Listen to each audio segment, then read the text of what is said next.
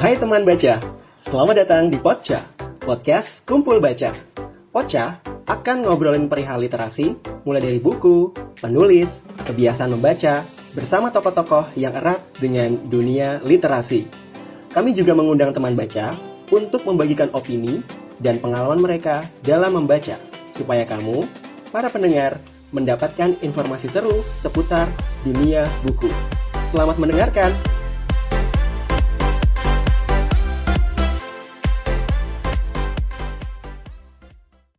Halo teman baca, kali ini kita masuk ke episode spesial. Kali ini kita kedatangan pendiri atau inisiator, inisiator atau founder dari Kumpul Baca. Kita sapa ya. Kalau saya boleh bilang sih ini hmm, Hahayu ya. Haris Hadisa, Iko dan Ayu. Apa kabar kalian? Halo. Halo, halo, halo, baik, baik. Oke, mungkin dari Iko dulu. Halo Iko. Halo, Pak Surur, baik. Oke, Haris kita cek sound. Halo, Surur, gimana kabarnya? Alhamdulillah saya baik. Terus ada Hadisa. Hai, kembali lagi. Oke. Dan yang terakhir ada Ayu. Halo Ayu. Hai, kalian pasti bosan ya dengerin suara aku. Baik, Pak Sur. Oke. Di episode spesial ini kita mau ngomongin perihal buku-buku of the year gitu lah, untuk di 2020. Nah, saya mau nanya satu-satu tentang pengalaman membaca di tahun 2020. Teman-teman bisa sharing ya, gimana sih pengalaman membaca di 2020? Apakah sama dengan pengalaman-pengalaman di tahun sebelumnya? Atau mungkin ada hal-hal yang berbeda gitu? Siapa yang mau sharing duluan? Bisa. Gue lagi. Terima kasih atas kesempatannya. Um, 2020 ya. Pastinya 2020 beda banget sama tahun lalu karena tiba-tiba ada pandemi, terus membuat kita harus menghabiskan lebih banyak waktu di rumah, otomatis waktu buat baca buku juga harus diakui lebih banyak. Aku baca lebih banyak buku daripada tahun sebelumnya. Terus juga banyak genre baru juga yang aku baca, gitu, jadi lebih bervariasi. Terus di tahun ini aku juga bikin akun khusus buat buku-buku yang aku baca yang sebelumnya cuma jadi wacana doang tapi karena ini pandemi dan gak tahu harus mau ngapain lagi akhirnya muncul uh, akun bookstagram itu yaitu Hmm. bacaan Gisa tapi ternyata pas bikin akun itu jadi banyak ketemu bookstagram bookstagram yang lain makin banyak tahu juga buku-buku baru alhasil aku juga lebih banyak belanja buku di tahun ini soalnya makin bertambah gitu eh, list buku yang belum dibaca. Oke, itu dari Hadisa pengalamannya tentang membaca di 2020. Sekarang ke Haris, coba. Oke, siap. Ah, kalau ini gua apa aku sih? Selalu. Bebas, bebas. Kalau aku sih membaca di tahun 2020 gak jauh beda sih sama 2019 ya. Karena aku Hmm. kalau baca masih kurang bisa menyempatkan diri, tapi ada baca. Cuman waktu buat membacanya masih kurang. Nah, Oke. ditambah 2020 ada pandemi, semuanya WFA, jadi karena WFA itu kadang jam pulang pun masih kerja gitu. Jadi kayak waktu makin sedikit, ya makin sibuk. Jadi waktu buat membaca jadi kurang gitu. Oke. Jadi ini ada ada kontradiksi ya antara Enggak, mana Hadisa sih? sama Haris. Iya. Ya, kalau Hadisa tuh makin banyak bukunya yang dibaca, tapi kalau Haris malah makin sibuk, malah makin nggak kepegang buku-buku yang akan dibaca gitu. Oke, kita akan Iya. ke Iko coba eh, gimana pengalaman membaca 2020-nya?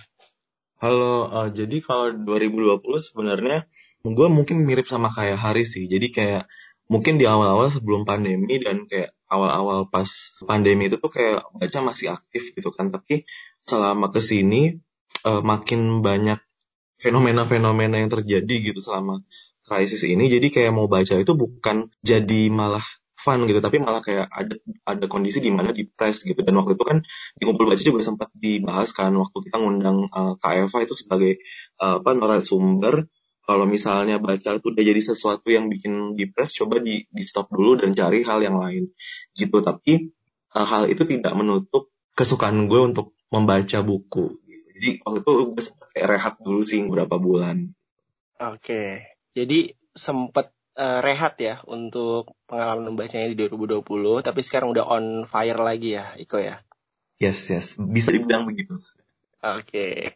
Terus yang selanjutnya ada Ayu. Hmm, kalau aku itu 2020 sebenarnya udah diniatin dari pertama pengen banget baca buku-buku yang genrenya indie. Jadi emang aku uh, banyak beberapa baca buku indie dari uh, apa namanya yang orang-orang utimu, terus ada beberapa judul lagi, dan itu cukup memberikan warna yang beda ya dari tahun-tahun sebelumnya karena tahun-tahun sebelumnya nggak pernah mencoba untuk baca buku di luar dari toko-toko mainstream gitu. Terus ternyata pas pandemi sebenarnya aku juga tengah-tengah antara Disa dan juga Haris yang awal-awal tuh banyak waktu luang gitu kan, kayak di awal-awal pandemi itu belum terlalu banyak uh, apa beradaptasi sama WFH, jadi banyak waktu luang dan itu banyak banget buku yang bisa aku habiskan dalam satu atau dua bulan gitu. Makanya aku bisa reach uh, re, apa goal buku target bukuku tuh bahkan melebihi itu gitu. Nah tapi pas terakhir-terakhir karena udah WFH-nya orang udah menemu ritmenya dan seperti yang dibilang Haris tadi nggak ada garis yang jelas gitu antara kerja jam kerja dan setelah pulang kerja jadinya malah jadi nggak punya waktu untuk baca lagi. Terus parahnya lagi karena awalnya cepat banget bacanya ke tengah-tengah tuh kayak dapet feeling capek baca apa sih namanya kemarin uh, reading slam. Nah, reading slam. Berjalan beberapa waktu sampai akhirnya gue baca Harry Potter lagi terus lumayan balik lagi. Terus sekarang mulai reading slam lagi. Gitulah okay. kira-kira 2020 nih agak ada up and down gitulah. Oke. Okay. Gitu. Jadi agak turun naik semangatnya ya untuk yeah. membaca ya. Oke. Okay. Ini pertanyaan selanjutnya ini mungkin kita bisa refleksi masing-masing ya, karena mungkin teman-teman baca di sana, pendengar pocah di sana, di luar sana, juga mengalami hal ini. Ketika nggak kumpul nih buat agenda kumpul baca, sejam membaca, ada juga yang merasa membaca itu bukan sesuatu yang mungkin prioritas gitu, atau mungkin nggak ada waktu lagi, malah nggak ada waktu sama sekali gitu. Nah, apakah nih ya, inisiator-inisiator ngumpul baca ini ketika nggak kumpul secara offline, Terus tuh membuat kalian tuh merasa kayak lebih produktif membaca atau malah sebaliknya? Tadi mungkin Haris udah kejawab tuh ya. Atau mungkin mau jawab lagi silakan Haris. Oh iya, kalau dari aku sih jujur sih ketika kita ketemu offline itu buat aku tuh kesempatan yang bagus buat aku buat ngebaca gitu jadi kayak dikelilingi oleh teman-teman baca yang lain yang ikutan baca jadi kayak termotivasi gitu loh buat ikutan baca gitu jadi ketika waktu masih ngumpul itu sebenarnya aku bisa ngesain buku gitu loh yang aku baca. Oh, jadi jadi karena nggak ngumpul lagi, nggak ada nggak ngeliat teman-teman baca yang lain, jadi kayak nggak ada motivasi gitu loh. Oh, Motivasinya Oke, okay, berarti di sini fungsi dari kumpul baca ini semakin up ya di diri Haris bahwa kalau nggak kumpul berarti nggak baca gitu kan. Maksudnya iya. bacanya jadi berkurang gitu. Iya. Yeah. Oke, okay. uh, eh, tadi Haris udah mengutarakan bagaimana offline ternyata mempengaruhi bahwa kalau offline lebih sering baca. Kalau yang lain gimana? Siapa yang mau duluan? Siapa? Oh, gue. Oke, okay, Hadisa, gimana? Ataukah mau mematahkan pendapat Haris? Atau punya statement sendiri? Enggak sih. Uh, Sebenarnya kan aku emang uh, emang sering, maksudnya udah selalu baca buku ya. Jadi kayak nggak um, terlalu nggak masalah gitu apakah harus kumpul baca dulu atau baca sendiri itu aku sama-sama ya suka baca aja gitu. Tapi bedanya uh, kalau misalnya pas kumpul baca itu aku lebih fokus aja gitu. Karena kan kita satu jam terus kita nggak lihat HP sementara kalau di rumah itu gampang ke distract aja gitu. Baru dua lembar lihat HP terus balik lagi gitu. Jadi nggak nggak fokus baca bukunya. Nah itu yang mungkin uh, aku rasakan kalau baca sendiri tuh kayak feeling apa ya uh, engagement sama bukunya tuh nggak terlalu dapet gitu. Jadi aku benar-benar cuman dapet ceritanya aja terus udah gitu. Beda kalau pas kumpul baca uh, satu jam rame-rame itu lihat orang baca buku terus kita juga larut dalam buku sendiri itu kayak feelingnya tuh beda aja sih gitu. Hmm. terus kalau misalnya pas kumpul baca kan walaupun kita lagi nggak pengen baca tapi karena semua orang baca kita jadi mau ngedein waktu kan. Kalau sekarang kan kalau kita lagi nggak mau baca ya udahlah nanti aja besok aja. Terus akhirnya nggak baca nggak dibaca baca bukunya kayak gitu. Lebih apa sih nggak teratur gitu kalau hmm. dari aku. Jadi nggak ada nggak teratur untuk lebih jadwal mau baca buku ini mau baca buku itu. Jadi distraksinya juga ternyata uh, Disa juga banyak ya. Mungkin drakor Bener. mungkin salah satunya. iya. Cobaan utama. Cobaan utama adalah drakor. Oke. Okay. Saya mau ke Iko coba untuk offline tuh lebih hmm, banyak buku yang dibaca atau mungkin sebaliknya Iko? pas kumpul baca gitu? Hmm, sebenarnya itu yang jadi masalah sih kalau menurut gue itu bukan offline dan online ya, tapi oh. lebih karena 2020 ini kan lagi banyak masalah maksudnya termasuk krisis tadi kan. Jadi sebenarnya itu sih yang kayak bikin pikiran gue itu makin uh, apa namanya nggak bisa mindful nih untuk oh, untuk mengerjakan iya. waktu luang membaca ya nggak sih kayak oh. kayak kayak kita tuh jadinya uh, apa uh, mikirnya tuh banyak cabang kayak aduh ini ke depannya kapan pandeminya berakhir ininya gini gini. Nah itu yang yang yang bikin uh, apa waktu gue untuk membaca sedikit tergeser gitu. Tapi kalau terkait dengan offline atau online sebenarnya sama aja sih gitu.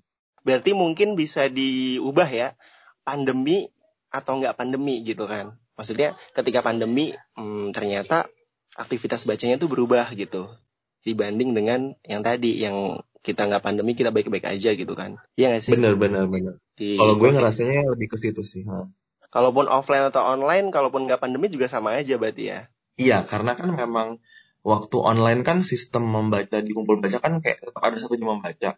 Tapi hmm. membedakan kita nggak ada teman partnernya gitu kan. Yang mana sebenarnya di hari lain pun kadang kita juga sempetin baca sendiri tanpa ada orang lain di sekitar kayak gitu. Jadi itu nggak terlalu berbeda sebenarnya. Gitu kalau dari gue ya. Siap, siap. Ayo gimana yuk? Hmm, kalau gue sebenarnya kumpul baca ngumpul itu uh, kerasa banget ya bedanya sama kalau kegiatannya di online gitu kan. Karena ketika offline tuh lebih banyak interaksi. Kenapa kita bikinnya kumpul baca itu komunitas? Karena kita pengen orang tuh berinteraksi uh, biar tahu buku satu sama lain dan tahu serunya di mana gitu kan. Tapi karena sekarang online jadinya kurang seru aja gitu terus oh. akhirnya untungnya untungnya nih gue tipikal orang yang target gue berapa terus kalau gue udah kecapai at least gue ngerasa gue itu udah achievement buat gue tapi emang bener yang dibilang bisa jadinya hubungan sama bukunya ya udah kita dan buku itu aja gitu mm-hmm. kita nggak bisa kayak banyak sharing sama orang karena ketemunya juga cuma seminggu sekali di uh, dunia maya lagi kan beda sama okay. kalau offline kan kita kayak ngobrolnya nggak cuman setelah uh, agenda tapi kita biasanya kan makan atau kita ke mana ada ada aktivitas lain lah sama teman-teman yang lain jadi uh, interaksinya lebih mindful lebih berarti terus buku rasanya juga nggak cuman sesuatu yang kita dan buku tapi juga sesuatu yang bisa menghubungkan aku sama teman-teman baca yang lain gitu menurutku sih gitu oke okay. Oke, berangkat dari pertanyaan tadi, muncul nih satu pertanyaan yang mungkin bisa dijawab sama para inisiator gitu. Iya atau enggak gitu ya kita kan punya hashtag nih sejam membaca. Nah selama pandemi ini sejam membaca masih digalakan di masing-masing inisiator nggak? Kayak misalnya Iko, Iko masih nggak? Hmm, kan sebenarnya idealnya itu sejam membacanya sehari kan. Gue menargetkan seperti itu, tapi pada kenyataannya sebenarnya karena memang ada rutinitas yang lain, apalagi kalau di pandemi ini kayaknya kalau kerjaan tuh kayak nggak kenal waktu kan. Uh, jadi uh, sejam membaca per harinya itu tuh tergeser ada waktu luang satu jam membaca per minggu gitu. Jadi Iko tetap sih membaca tapi intensitasnya jadi per minggu gitu ya? Iya. Oke. Okay. Haris gimana Haris? Waduh, kalau aku sejam membaca. Atau jangan-jangan pas kumpul baca aja baru hashtag sejam membaca yang sama teman-teman baca itu. Itu juga, cuman kalau ketika pandemi gini ya, membacanya itu lebih ke artikel sih karena kan di HP ya. Oke. Okay. Jadi kalau di bukunya kayak berkurang gitu lah. Okay. Tapi masih diganti cuman ya artikel lewat HP masih okay. masih bermakna lah masih masih produktif oke okay. kalau Ayu gimana yuk hmm, karena gue itu yang awal-awal punya banyak uh, waktu tadi ya gue gue kira kayaknya gue pertama-tama itu lebih dari sejam membaca deh tapi setelah gue kena reading slam itu parah banget cuy. Itu parah banget. Kayak bisa sebulan itu baca nggak sampai sejam mungkin 10 menit gue udah ke distract karena gue ngerasa kayak ah buku ini nggak nggak tepat untuk gue baca saat ini gue ganti buku lagi dan merasa nggak tepat lagi besokannya. Itu terus gitu terus. Jadi nggak ada sejam gitu jadinya. Jadi um, masih dicoba mencari buku yang cocok ya kan dan masih mencoba untuk tetap saja membaca. Tapi kita lihat let's see apakah aku akan bertemu dengan jodoh bukuku gitu. Oke. Terus terakhir Hadisa gimana? Oke ini kayak pengakuan dosa ya. Enggak sih ini tiba-tiba muncul aja. Karena teman-teman baca mungkin pengen tahu gitu loh. Ini foundernya ini gak sih uh, apa namanya masih semangat sejak membaca juga gak sih gitu. Mungkin uh, di sini aku mau di ini dulu ya, memperjelas dulu ya bahwa ketika kita menggalakkan sejam membaca itu uh, bukan berarti kita juga udah expert di sejam membaca, oh, justru kita melatih uh, diri kita sendiri supaya bisa konsisten untuk yeah, sejam membaca. Okay. Uh, teman-teman yang lain jadi biar bareng-barengan nggak sendiri karena seperti yang aku bilang tadi gitu satu jam membaca itu sangat lama rasanya dan ketika aku sendirian juga uh, biasanya sih aku nggak nyampe satu jam paling kayak 15 menit udah ke distract. Tapi ketika setiap minggu di Instagram kumpul baca kan sering ini ya maksudnya selalu campaign untuk sejam membaca dulu sebelum ada agenda. Nah itu aku biasanya usahain untuk at least berusaha lah untuk uh, satu jam. Seolah-olah kita lagi kumpul gitu. Oke. Okay. ini juga kena reading slump juga sih sama kayak Ayu itu tuh normal ya. Kalau udah kena reading slump tuh bisa di dua minggu nggak baca buku tapi habis itu nanti bisa baca lagi. Tapi yang program mingguannya ya sebagai inisiator aku berusaha untuk mengikuti. Oh, yang sudah dicetuskan ya sama paling gue mau nambahin dikit sih dari dari bisa tadi boleh, boleh.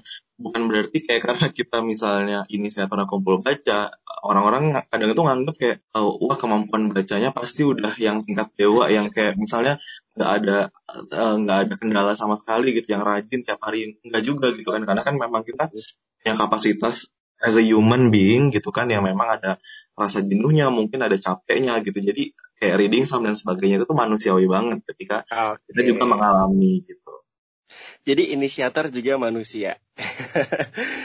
Oke, okay, saya mau tanya ke masing-masing inisiator, ada target khusus gak sih yang ingin kalian capai gitu di tahun ini atau mungkin resolusi baca tahun itu tuh kayak gimana? Terus kalau misalnya udah di flashback gitu, apakah tercapai ini 2020 gitu? Mungkin di Goodreads-nya atau mungkin udah sesuai dengan wishlist atau gimana gitu? Mungkin dari Hadisa. Kalau aku uh, sebenarnya setiap tahun biasanya aku emang menargetkan buat baca minimal tuh 20 buku gitu karena hmm.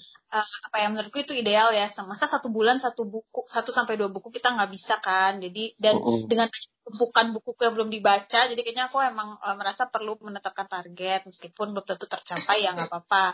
Nah tahun ini uh, untungnya lebih sih udah sampai 30-an buku. Meskipun itu nggak semua buku wow. yang tertulis maksudku ada buku uh, ilustrasi juga gitu loh eh bukan buku tertulis buku yang isinya tulisan doang tapi ada yang gambar gambar gitu Dan karena banyak apa banyak genre juga yang aku baca tahun ini jadi kayak lebih banyak aja dapat bukunya gitu udah tercapai belum tahun ini Oh sebenarnya ada satu resolusi lagi yang nggak tercapai tahun ini. Jadi sebenarnya ini gara-gara kumpul baca juga kan, terus aku ketemu sama satu teman baca yang dia punya target 2020 itu dia nggak mau beli buku gitu. Jadi dia ingin oh. fokus buku-buku yang uh, dia udah punya. Nah aku terinspirasi kan sama dia. Okay. Waktu itu aku juga pengen 2020 aku nggak beli buku gitu, tapi turns out 2020 aku beli lebih dari 10 buku kayaknya. Jadi okay mungkin itu akan jadi resolusi tahun depan let us see ya mungkin kita mau ke mana nih ke Iko coba gimana kok untuk target tahun ini tercapai atau enggak atau hmm, ada capaian khusus nggak di tahun ini kalau gue itu malah gue kebalikan sama Disa sebenarnya dari ya. tahun 2019 atau beberapa tahun ke belakang sebenarnya gue nggak pernah ngeset target berapa buku yang akan gue baca gitu kan dalam satu tahun gitu. Kenapa? Karena gue mikirnya kalau gue targetin, kalau misalnya nanti gue nggak nggak nggak mencapai kayak nanti akan ada penyesalan gitu loh kayak kepikiran hmm. gitu gitu. Dan gue ngerasa itu jadi kayak hutang Beban. gitu sehingga iya kayak hutang. Jadi mau nggak mau berarti buku yang yang udah gue targetin baca tahun ini numpuk gitu kan di tahun depan. Jadi uh, kayak gitulah pokoknya. Apalagi nanti mungkin di tengah-tengah ada momen di mana kayak pas main ke toko buku atau scrolling down uh, apa toko buku online tiba-tiba impulsif mau beli gitu kan. Nah kayak gitu sih. Jadi target ah, gue itu sebenarnya menghabiskan dulu buku yang ada di lemari sehingga nanti ketika memang benar-benar udah kosong gitu kan uh, mungkin gue akan beli lagi. Karena ini juga sama karena lingkup kita kan uh, teman-teman yang suka baca buku ya. Jadi kayak pas misalnya kayak ada momen tertentu atau pas kayak ulang tahun mereka tuh ngasihnya buku gitu kan. Jadi kayak itu nambahin koleksi sebenarnya. Bukan yang nggak bersyukur dapat kado buku tapi itu kayak kayak apa namanya adalah satu titik yang harus dikelarin juga kan untuk dibaca gitu sih gue lebih mikirnya. Oh gitu. Jadi let it flow aja ya kalau misalnya lagi memang mau baca yang baru ataupun yang ada di lemari, ya udah dibaca aja Iya, gitu ya. kalau Iya, gue ya. uh, benar-benar. Boleh tahu dong berapa banyak nih kira-kira yang belum dibaca tuh di lemari? Berapa ya? Gue nggak ngitungin sih sebenarnya. Um, belum ngitung lagi kayak mungkin ada sekitar um, 13 nih kayaknya yang belum. 13. Oke. Semangat, semangat mungkin masih ada waktu ya. Kita masih ada setengah bulan di 2020 supaya mudah-mudahan habis. Oke, kita ke Haris. Haris gimana untuk eh, resolusi bacanya? Atau mungkin nggak ada resolusi juga di 2020? Udah ketebak ya. Aku tuh tipenya yang bisa dibilang masih belajar buat ngebiasain baca. Jadi aku tuh nggak pernah set target tahun ini keluar buku berapa gitu. Jadi aku let it flow aja gitu. Kalau ada yang pengen dibaca, dibaca gitu. Cuman ya karena ya itu sih karena pandemi ini jadinya buku yang dibaca berkurang gitu. Mm-mm. Tapi dari 2019, 2000 eh 2018, 2019 tuh ada peningkatan tuh ya berarti. Baru mulainya itu 2019 kemarin sih, kayak baru Hmm. mulai namatin buku gitu. 2019 kemarin itu kok nggak salah 5 atau 7 buku gitu. Uh, sejak ada kumpul baca ya. Iya, sejak ma- sejak kebaca berdiri gitu, sejak dikelilingi teman-teman baca gitu. Selesailah buku dalam setahun 5-7 buku gitu. Nah, tapi sejak 2020 mungkin nggak sampai 3 deh.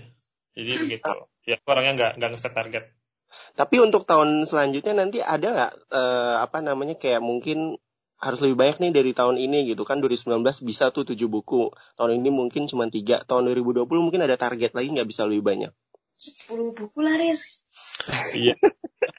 Maunya sih gitu ya. Tapi kalau dari aku sendiri kalau ngeset target gitu takut gak kesampaian gitu jadi kayak kecewa sendiri mending ya udahlah let it flow aja. Oke, thank you Haris. Kita ke Ayu, gimana yuk yang punya mungkin apa kalau eh, Disa kan punya bacaan Disa. Ayu itu punya pengeja cerita nggak? Bener, bener juga baru inget aku punya pengeja cerita. Baru inget parah banget, kagak kagak pernah di ini, kagak pernah ditengok atau mungkin rival antara bacaan Disa dan pengeja cerita. Oh.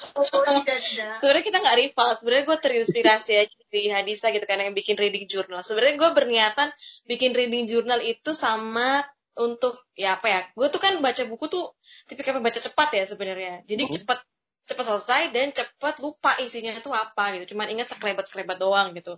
Makanya gue bikin eh, akun itu dan bahkan juga bikin webnya itu untuk mengingatkan diri gue aja oh ternyata gue dulu pernah baca buku ini dengan intisari A sampai Z gitu kan yang menurut gue menarik tuh apa dan gue berharap itu tuh bisa ngebantu orang sebenarnya gue berharapnya gitu biar lebih mindful aja lah gue bacanya gitu kan nah eh, alhamdulillah wih alhamdulillah tahun 2020 Gaji, itu oke. ha.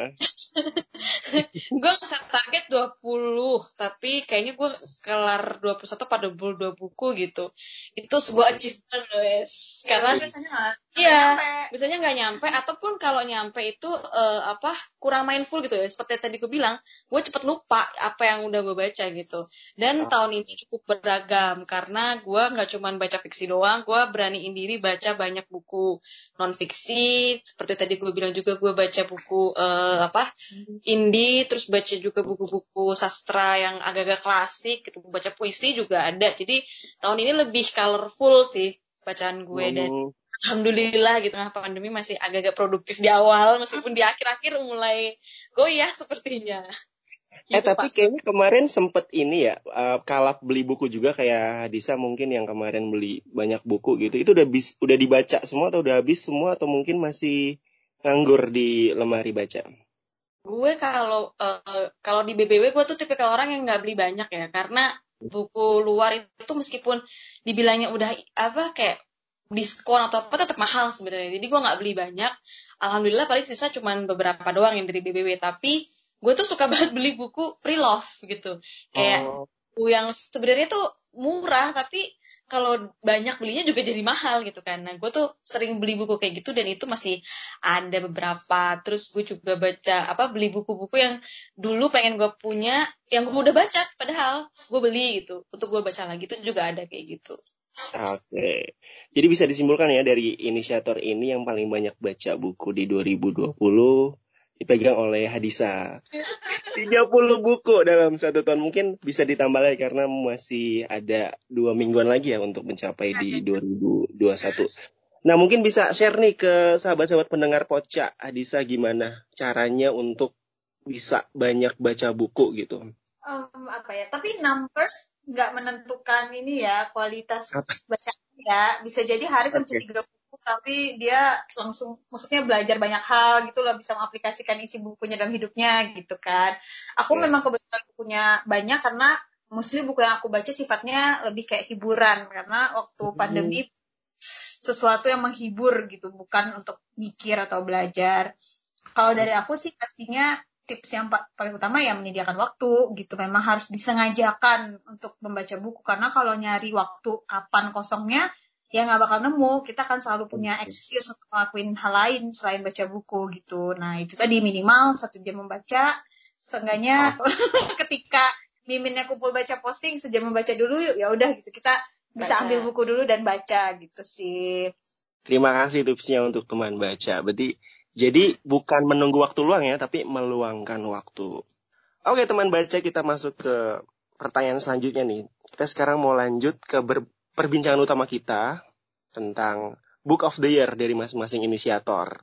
Boleh dong di-share uh, judulnya, kemudian penulisnya, sinopsisnya, terus kenapa menarik? Mungkin bisa jadi bahan apa ya bahan rujukan inspirasi buat teman-teman baca oh ternyata buku ini gini oh ternyata buku itu gitu gitu jadi banyak inspirasi di sini dari teman-teman inisiator.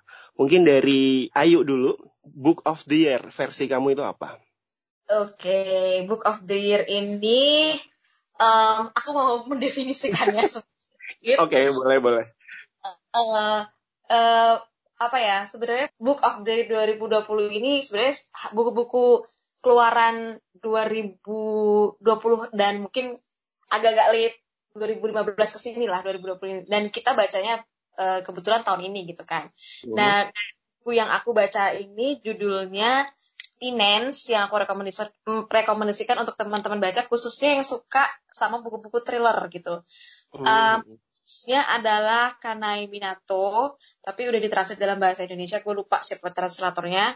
Uh, yang penerbitnya adalah Haru ya, penerbit Haru ya penerbit Haru ya penerbit Haru nah kenapa gue merekomendasikannya karena ini tuh bener-bener uh, secara plot menurutku dia menarik sih dia bener-bener kayak slicing permasalahannya dan permasalahannya itu tentang pembunuhan ada tentang uh, masa kecil trauma terus uh, apa namanya pokoknya yang ngeri-ngeri lah sexual assault juga ada gitu kan pembunuhan. Mm -hmm melibatkan anak kecil itu kan selalu ngeri ya dan menurutku itu tuh sangat membekas banget. Setelah aku baca buku pertamanya Kanai Minato juga yang judulnya itu Confessions gitu. Dan hmm. sebenarnya mirip banget sama Confessions di buku yang kedua ini tuh juga membahas yang per bab itu orangnya sudut pandangnya berbeda gitu kan tapi ini lebih kontras perbedaannya menurut aku sih gitu ya terus um, okay lebih nger, lebih ngeri aja daripada Confessions gitu. Dan ini terbitan Indonesia-nya kayaknya baru Juni 2020. Jadi masih bisa disebut grace untuk teman-teman pembaca uh, novel ini di Indonesia. Meskipun kalau di Jepangnya mungkin uh, dari 2017 atau 2018 aku kurang juga.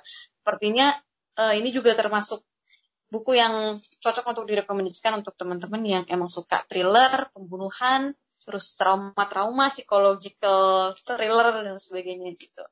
Itu Oke. Okay. Uh, eh, jadi buku pertama itu Convention. Ini buku kedua judulnya apa? Finance. Finance itu hmm. artinya kayak uh, apa? Tar dulu. Dulu. kayak kayak eh, pengakuan gitu loh, penebusan dosa oh. gitu loh. Hmm, hmm, jadi saya kayak setiap orang yang ada dalam buku itu tuh kayak dihukum gitu. Tapi okay. atas kesalahan yang mereka sendiri tuh nggak tahu gitu. Hmm menarik menarik menarik.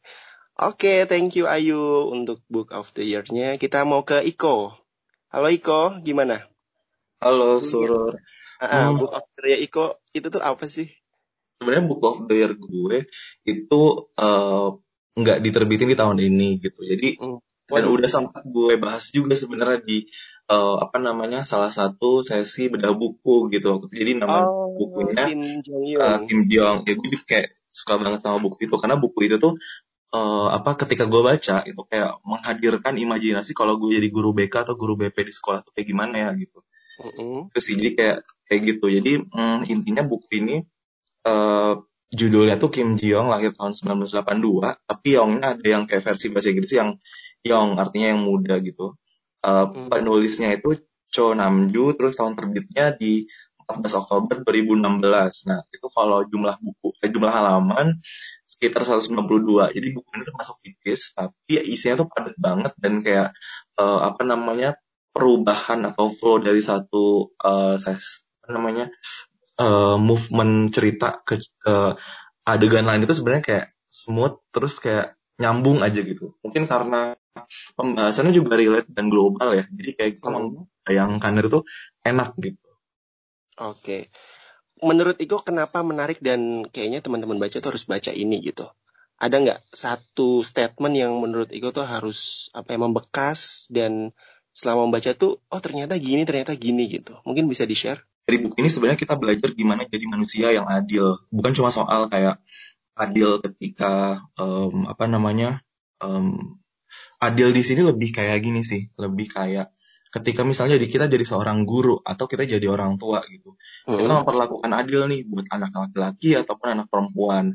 Ketika misalnya kita um, adalah seorang uh, atasan gitu, kita nggak mm -hmm. bisa membedain uh, apa namanya kita baik sama siapa based on gendernya gitu. Atau misalnya kita mikir oh uh, uh, dia aja deh yang gue angkat jadi uh, asisten gue karena dia cowok gitu kan. Kalau misalnya dia cewek nanti mungkin pas dia nikah dia akan ada cuti hamil tiga hari dia nggak bantuin gue nih dan gue harus PR banget cariin orang. Mungkin pertimbangannya kayak gitu. Nah gitu sih adil seperti itu. Jadi harus based on capacity harus based on merit gitu untuk menilai hmm. seseorang. Jadi itu maknanya luas banget nih kalau kita ngomongin itu tersebut Oke, okay, thank you Iko. Kita mau ke Haris nih.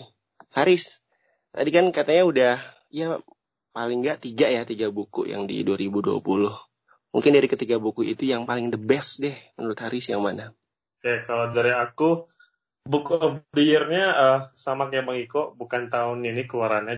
Nah ini buku terakhir yang aku baca kelar, The Book of Lost Things. Penulisnya itu John Connolly, ini dirilis di Indonesia tahun 2010. Nah, uh, lumayan lama sih. Jadi, uh, oke, okay, nah ceritanya itu tentang uh, tentang seorang anak.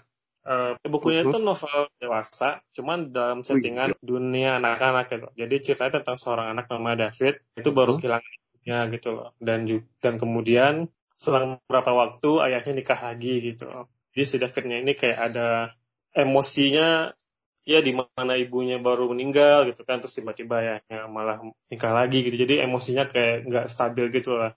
Nah, jadi di satu malam dia keluar rumah terus dia masuk kayak portal kayak lubang gitu ke sebuah dunia baru gitu loh dunia dunia fantasi gitu nah di dunia itulah dia berpetualang gitu loh. nah uh, bedanya buku ini itu adalah kalian bakal nemuin cerita-cerita dongeng yang sering kalian dengar gitu loh. Cuman ceritanya tuh kayak di twist gitu loh. Kayak misalnya kan Snow itu kan baik hati ya.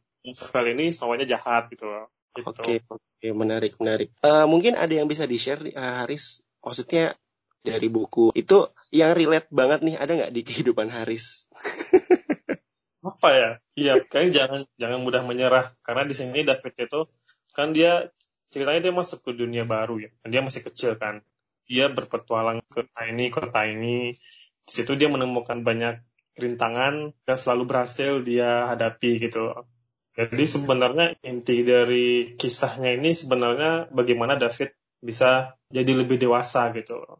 Mm -hmm. Oke, okay, thank you Haris. Kita udah punya tiga nih, The Book of the Year dari para inisiator.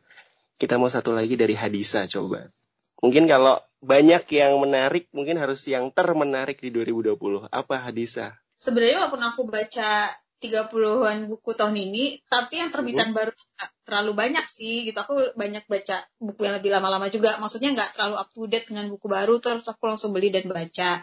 Nah, sebenarnya ada uh, dua buku yang menarik banget untuk aku di tahun 2020 ini yang baru terbit. Yang pertama itu yang bukannya malas, cuma lagi mager aja. Nah itu Hmm. pernah ya juga kan di kumpul baca. Jadi Iya. pernah ceritakan lagi di sini.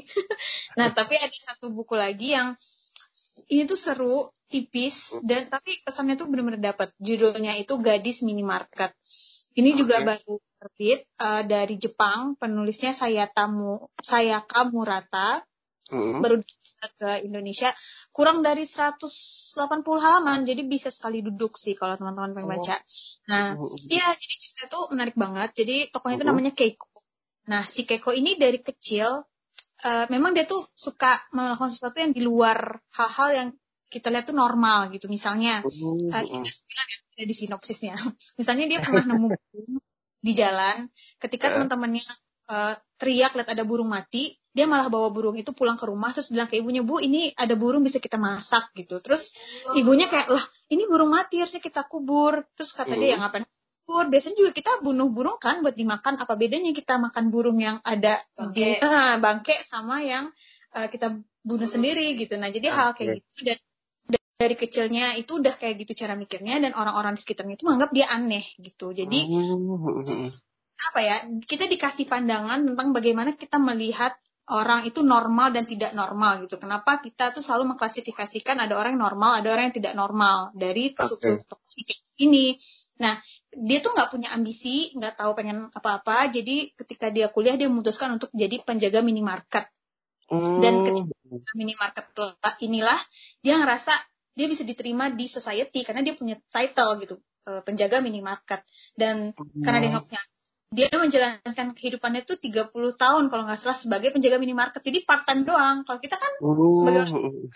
Naik jabatan lah jadi supervisor lah punya toko kayak gitu. Dia enggak. Jadi dia selama 30 tahun benar-benar hanya bekerja di minimarket aja eh, demi diterima oleh society gitu. Meskipun pada akhirnya muncul lagi kan masalah baru kayak kenapa lu nggak nikah? Kenapa sih lu nggak nyari kerjaan tetap? dan lain-lain dan lain-lain yang membuat dia tuh kebingungan gitu. Sebenarnya gue tuh salah apa sih? Ah, tuntutan. Gitu gitulah jadi kayak menarik banget eh ceritanya. Terus ya dari situ juga aku apa ya belajar untuk ya kita sendiri nggak mungkiri ya pasti juga punya stereotip mana yang normal dan tidak normal gitu Iya, benar.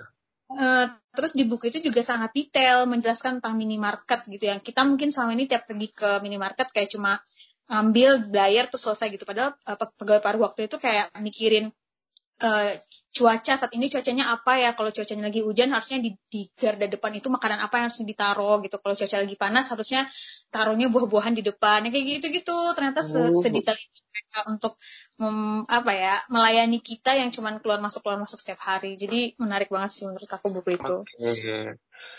Ini ada satu pertanyaan nih. Eh, ini kan tadi si Keiko ya, kalau nggak salah tokoh utamanya ya. Ah, ah. Mhm. Nah ini dia judulnya gadis minimarket. Nah si Keiko untuk uh, memutuskan untuk menjadi penjaga minimarket itu dia posisinya the apa? Maksudnya kayak kasir kah, SPG kah, atau mungkin pem- pemotong daging atau apa? bener-bener bener. Eh, dia apa ya nggak salah penjaga sih sama kasir jadi bener-bener yang di store-nya aja gitu ngerapiin Oh. makanan stok makanan udah kosong apa belum nanti dia isi kayak gitu terus ngeset eh, kayak urutan mie gitu-gitu kan kita ini nggak merhatiin ya padahal itu ada teorinya ada standarnya gitu kalau. Iya, kalau siang itu yang di depan apa, kalau malam yang di depan apa, kalau musim dingin apa, musim hujan apa itu. Itu sih seru-seru baca buku. Menarik, menarik. Thank you. Ini banyak banget pilihan-pilihan teman baca yang direkomendasikan nih. Book of the Year oleh para inisiator Kumpul Baca. Mungkin nanti bisa dilihat, atau mungkin bisa dicari-cari dulu, di searching dulu di Google gitu, apa segala macem. Jadi biar lebih tahu tentang bukunya seperti apa. Mau nambahin, Oke, boleh, Tapi- boleh. memang tahun ini tuh trennya, dua tahun belakangan tuh emang trennya tuh buku-buku Asia gitu sih. Kalau Hmm. eh, kita lihat, kalau nggak dari Jepang, dari Korea, itu banyak banget buku-buku yang keluaran terbaru, ter- terjemahan terbaru itu emang dari Asia. Makanya mungkin kebetulan rekomendasi kita jadinya banyakkan buku-buku Asia. Menarik, menarik. Thank you. Oke, nggak kerasa nih kita hampir di penghujung obrolan kita. Tapi ada satu lagi pertanyaan yang harus banget dijawab oleh inisiator-inisiator kumpul baca. Pertanyaannya adalah, buku apa yang pengen kalian baca di tahun depan dan alasannya tuh apa? Mungkin dari Ayu dulu. Eh, tahun depan gue masih banyak buku yang belum dibaca. Pasti gue pengen nyelesain buku-buku itu dulu. um, banyak banget judulnya dan karena tahun ini tuh entah kenapa kebanyakan adalah buku thriller yang gue baca. Jadi hmm. ininya akan menyelesaikan beberapa buku thriller kayak dari Gillian Flynn, terus dari John Grisham gitu-gitu kan. Tapi yang pengen banget gue baca sih kayaknya Harry Potter lagi ya. Karena kebetulan insya Allah akan menjadi seorang ibu. Jadi aku harus membacakan. Yeah, congratulations. Iya, alhamdulillah akan bacakan itu untuk my future baby gitu. Okay. asik asik. Pokoknya nanti biar memperkaya lagi ya uh, pengetahuannya tentang bagaimana sih memiliki bayi, memiliki anak gitu-gitu ya. Nanti habis ini pas buku-buku parenting. Oke, okay. kita akan ke Haris. Haris gimana? uh, buku apa yang pengen dibaca di tahun depan dan kenapa? Kalau aku sih uh, sebenarnya ada buku yang pengen aku baca karena uh -huh. abis nonton TV seriesnya. Jadi judulnya Normal People. Normal People. Uh, ya aku nonton seriesnya dulu. Kemudian ketika tahu itu dari diangkat dari sebuah buku, jadi aku pengen baca bukunya gitu loh. Karena menurut aku uh, filmnya udah bagus gitu. Oke, tapi udah riset belum? Maksudnya karena kan tadi katanya filmnya bagus atau mungkin uh, serialnya bagus gitu. Tapi udah riset belum harus untuk review iya. orang-orang yang udah pernah baca Normal People ini? Kalau baca reviewnya sih udah bagus gitu. Makanya aku pengen beli bukunya. Karena pengen tahu juga ceritanya yang ada di buku gitu kan. Biasanya kan kalau buku dia akan hmm. film gitu kan banyak bagian yang dihilangin gitu kan. Jadi pengen benar benar benar. yang lebih komplit di bukunya jadi pengen menikmati ceritanya tapi dalam suguhan yang berbeda yaitu bentuknya buku nggak film lagi gitu ya. Benar. Iya. Oke, tering, uh, terima kasih Haris. Kita ke Hadisa. Hadisa apa nih? Kayaknya banyak nih buku yang okay. pengen dibaca 2020. iya. Udah Aduh, punya wishlist sendiri. iya. Punya. Sebenarnya setiap tahun tuh kayak pengen baca buku yang paling lama ada di rak buku dulu gitu biar apa ya ya biar nggak sayang aja kan. biar nggak berdebu. Biar nggak berdebu. Sebenarnya satu ada satu buku tahun ini yang pengen aku baca tapi pengen aku baca sebelum 2020 berakhir tapi belum jadi itu uh, dunia Sophie mm. itu menurut aku itu salah satu buku penting yang harus dibaca ya karena kan itu uh, apa berisi apa ya, dan dulu aku pernah baca waktu kuliah cuman mungkin waktu itu otakku belum nyampe juga jadi kayak masih nggak ngerti dan sekarang karena udah mulai banyak uh, tahu dari teman-teman lain juga uh, tentang apa cerita-cerita sosial jadi pengen baca buku itu. Se sama satu lagi uh, bukunya George Orwell yang uh, 1984 ya 1984 itu. Yeah. itu juga kayaknya sesuatu buku yang penting untuk dibaca gitu apalagi kalau misalnya kita tertarik sama kayak politik dan udah punya uh, konspirasi gitu. Sudah, nah dua-dua buku itu aku belinya udah tahun 2016. Jadi kayak Tapi belum dibaca. Ini kayak rasa ngutang banget dulu baca okay. dua buku itu. Semoga kayaknya tahun depan langsung dibaca biar nggak kegeser-geser lagi. Oke, semoga terrealisasi untuk rencana membaca bukunya. Oke, kita ke yang terakhir Iko. Gimana Iko untuk resolusi 2021-nya nih buku tahun depan tuh apa yang mau dibaca dan alasannya apa? Oke, jadi sebenarnya kalau 2021 kayaknya gue mau coba explore buku-buku yang kayak self development gitu. Tapi sebenarnya ada satu buku yang bikin gue penasaran gitu. Jadi uh, ini sebenarnya bukunya gue temukan ketika kumpul baca waktu itu kolaborasi sama Binus TV kan. Terus kayak hmm. lagi ngobrol-ngobrol gitu. Terus hostnya itu bilang ada judulnya Jakarta Secret ya. Kalau bisa sama Ayu mungkin inget. Nah kayaknya gue pengen sih baca buku itu karena itu di, di disebutin kayak banyak teori-teori konspirasi tentang apa namanya kota Jakarta gitu kan. Jadi kayak gue pengen tahu aja isinya gimana gitu. Sama buku-buku self development ya. Jadi uh, apa tapi self developmentnya mungkin itu ada banyak buku self development soal introvert yang kayak banyak orang ngasih, ngasih buku itu ke gue gitu loh. Kayak hmm. uh, ada beberapa judul tapi karena kayak abis gue terima gue keep dulu jadi nggak sempet gue baca kan gitu karena waktu tahun 2020 ini kayak memang gue tuh belum terlalu suka banget untuk baca buku yang non fiksi gitu yang self development. Nah, mungkin tahun depan akan gue habisin juga nih buku-buku self development yang ngobrolin uh, ngebahas soal apa introvert tadi gitu. Oke. Terima kasih Iko dan semuanya Disa, Haris, kemudian Ayu yang udah berbagi nih. Inisiator-inisiator kumpul baca ternyata punya banyak banget hal yang bisa dibagikan ke teman-teman baca, terkhusus dunia literasi dan buku-bukunya. Uh, berkenaan kita udah ngobrol-ngobrol dari tadi. Saya minta maaf kalau misalnya ada salah-salah ucap. Mohon maaf ya teman-teman ya. Semoga kita selalu sehat dan semoga obrolan kita kali ini bermanfaat bagi banyak orang gitu kan. Mungkin demikian uh, episode 13 ini spesial inisiator-inisiator kumpul baca. Terima kasih pada semua inisiator yang Thank you, Surur. Ya, terima kasih udah mau berbagi pengalaman. Terima kasih juga untuk para pendengar, teman baca. Jangan lupa untuk follow akun Poca Ocha ya, bagikan ke teman-teman kalian semua di media sosial, terus kirimkan masukan serta komentar kalian mengenai episode Poca apa nih di episode-episode selanjutnya ngebahas apa nih gitu. Bisa di mention ya di @kumpulbaca di Instagram. Oke, terima kasih. Sampai jumpa.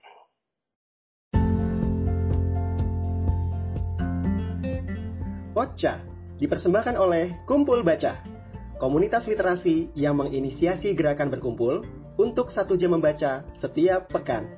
Ikuti update kegiatan kami di Instagram @kumpulbaca. Sampai jumpa. thank you